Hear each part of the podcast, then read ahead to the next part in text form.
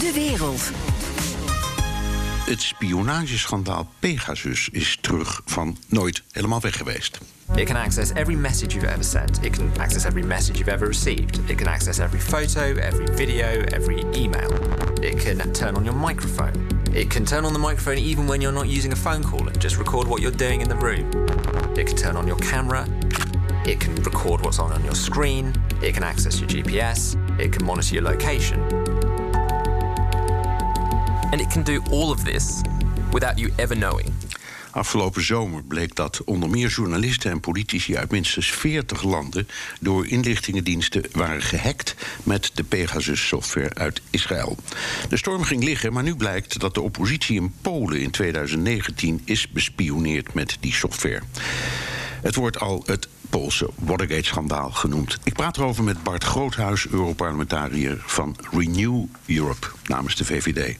Dag meneer Groothuis. Goedemiddag. Goedemiddag meneer Hammelburg. Ja, ook aanwezig is Europa-verslaggever Geert-Jan Haan, Hadi Geert-Jan. Goedemiddag Bernard. Ja, eerst uh, uh, meneer Groothuis, u, u was uh, afgelopen zomer ook bij ons te gast. En toen hadden we het ook over Pegasus.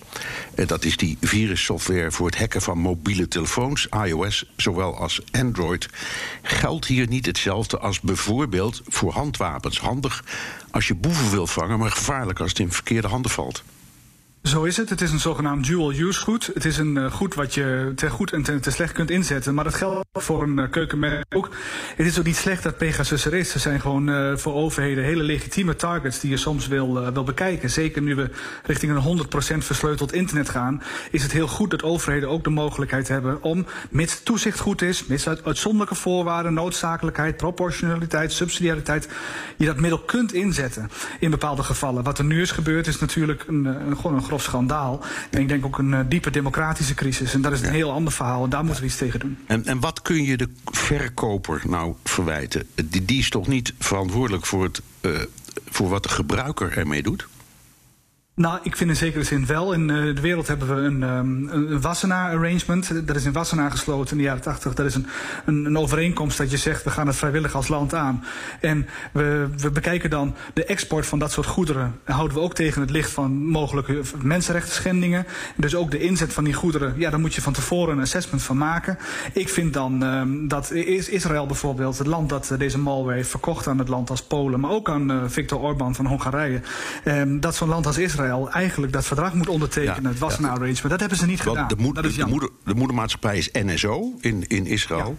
Ja. Um, even, u, u, zegt ja, Israël heeft het verkocht. Is dat, heeft dat, dit is gewoon een bedrijf.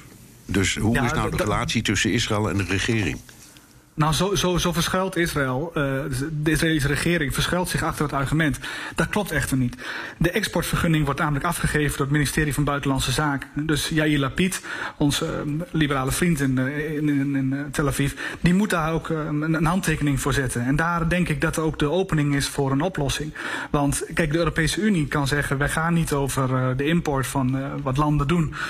Dat is zo. En je hebt in Europa heel snel een hele inerte reactie waarvan, ja, we, we, hebben daar geen, geen, geen, geen, geen instrumenten voor. Het staat niet in het verdrag. Ergo, we kunnen weinig doen. Ja, ik denk dat het niet uh, het geval is. Ik denk dat we met onze Israëlische vrienden, en we zijn echt vrienden, uh, dat we daarmee om tafel moeten. En moeten we zorgen dat naar landen met een rule of law, met een mensenrechtenprobleem in, in Europa, dat zijn Hongarije, Polen en Slovenië, dat je daar niet uh, naartoe exporteert. Nee, nee. Geert-Jan Haan, laten we het schandaal dat nu opgeleid in Polen even neerzetten. Wat is er nou naar buiten gekomen? Naar buiten is gekomen dat drie personen, publieke figuren in Polen met uh, echt wel belangrijke functies, uh, voor de rechtsstaat ook, dat zij deze spyware op, op hun apparatuur hadden. En daar zou de Poolse geheime dienst dan gebruik van hebben kunnen uh, maken in opdracht van de regering, die daar dan weer gebruik van kon maken. En de regering in Polen, dat is met name de, de PiS-partij, Recht en Rechtvaardigheid, onder leiding van Kaczynski, ook al is hij niet officieel premier, maar om mensen daar een beeld van te geven. En het gaat om drie prominente figuren die je kunt relateren tot de oppositie, maar je kunt ook dat ze vooral tegenstander zijn van repressie, overheidsbemoeienis en voor bepaalde liberale waarden staan. Advocaat Kirtig, openbaar aanklager Vjorcek en Eerste Kamerlid en tevens advocaat Breja. En die laatste die voert zijn controlerende taak vrij grondig uit in Polen. Hij was ook stafchef trouwens van de uh, uh, oppositiecoalitie tijdens de parlementsverkiezingen in 2019. Hij was de, de, de campagnebaas. En in die periode is hij 33 keer gehackt En dat is naar buiten gekomen nu door het Canadese Citizen Ja, Lab. precies. Ja, want hoe, hoe, hoe zijn we er allemaal achter gekomen? Nou, Citizen Lab is eh, van de University of Toronto. En die hebben eh, dit keer samengewerkt met Associated Press. En daarmee is dat Poolse schandaal naar buiten gekomen. Maar dat Citizen Lab dat is een vrij onafhankelijke eh, Canadese partij... die ook veel onderzoek doen voor het Pegasus Project. Daar zijn 80 journalisten van 17 media uit 10 landen bij betrokken. Ook het Security Lab van Amnesty verleent steun eraan. En dat is dus ook hoe wij, waar eh, meneer Groothuis al even aan refereerde... weten sinds deze zomer dat Hongaarse journalisten... en een oppositiepoliticus worden afgeluisterd. Dat mogelijk Macron wordt afgeluisterd. En ook eh, de in 2017 vermoorde eh, Jamal Khashoggi. Het is Ja. een enorme trits aan mensen. Ja, en ik geloof ook de verloofde van Khashoggi. Die, zat, die was ook de pineut, zo gezegd. De, in 2019 waren er parlementsverkiezingen. Waarom greep de PIS-partij naar dit middel? Nou, allereerst, ze zeggen dat ze er niet naar hebben gegrepen. Eh, in het kader van, van hoor en wederhoor. eh, alle PIS-prominenten zeggen... we doen niet aan surveilleren voor politieke doeleinden. De premier Morawiecki die spreekt zelfs van fake news. Nou is de minister van Justitie niet van de PIS-partij. Die is van een nog rechtsere eh, partij, om het zo te noemen. Die is verantwoordelijk minister. Die zegt geen kennis te hebben van illegale acties... gericht op het afluisteren van burgers. Maar ja, als hij zegt burgers, dit gaat om eh, drie publieke figuren. Eh, en dat is misschien dan al wel gelijk eh, eh, een antwoord op je vraag, hè? Waarom Ja, ik moet, ik moet erom lachen, omdat een, een, een politicus is dus geen burger. Meneer Groothuis, pas op hoor. ja, oké. ja. Geert-Jan, is de stembusgang hierdoor beïnvloed? Ongetwijfeld, maar je kunt nooit weten of de uitslag anders was geweest. Het is wel zo dat als je bijvoorbeeld eh, die senator neemt... en meneer Groothuis zal hem wellicht wel kennen, senator Breja... die is van Burgerplatform. Dat is de partij die mensen in Nederland denk ik het best kennen... door Donald Tusk, die nu weer is teruggekeerd... om, om die partij de verkiezingen te laten winnen. SMS'jes van zijn telefoon die belanden...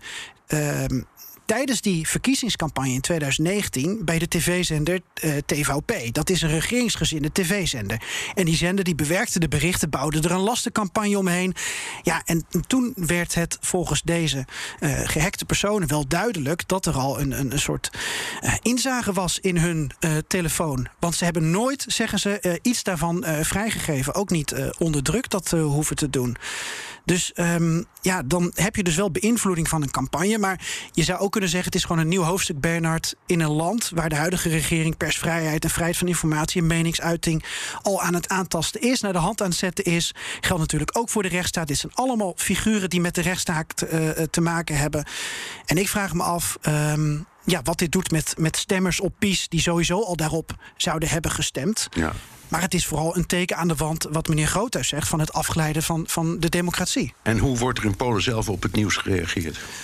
Eh, Wisselende reacties, net zoals het land in, in, in, in al deze dossiers verdeeld is. Eh, ongeloof onder mensen die eh, hier absoluut niks van willen en willen weten. Maar ook mensen die het weigeren te, te geloven. Ehm, en Kijk, twee dingen die ik daarover wil zeggen, Bernard. Die senator, in 2018 werd zijn appartementencomplex in brand gestoken. Toen deed hij in die tijd parlementair onderzoek eh, naar smeergeld. Dat leidde hij. Toen zei hij, ik geloof dat het toeval is... maar de waarheid is dat mensen weten waar ik woon. Kijk, nu, met afluisteren, dat weet meneer Groothuis beter dan ik... maar dat is volgens mij gewoon doelgericht. Dat kan geen toeval zijn. Als je een reeks aan incidenten hebt dan, dan, dan ontstaat er een, een patroon. En de laatste reactie uit Polen is dan ook het Poolse gerecht. Dat zegt, wij zijn niet van plan om een onderzoek op te starten... naar deze afluistering van verschillende critici van de regering. Ze zeggen dat ze eigenlijk gewoon niet genoeg eh, bewijs daarvoor hebben.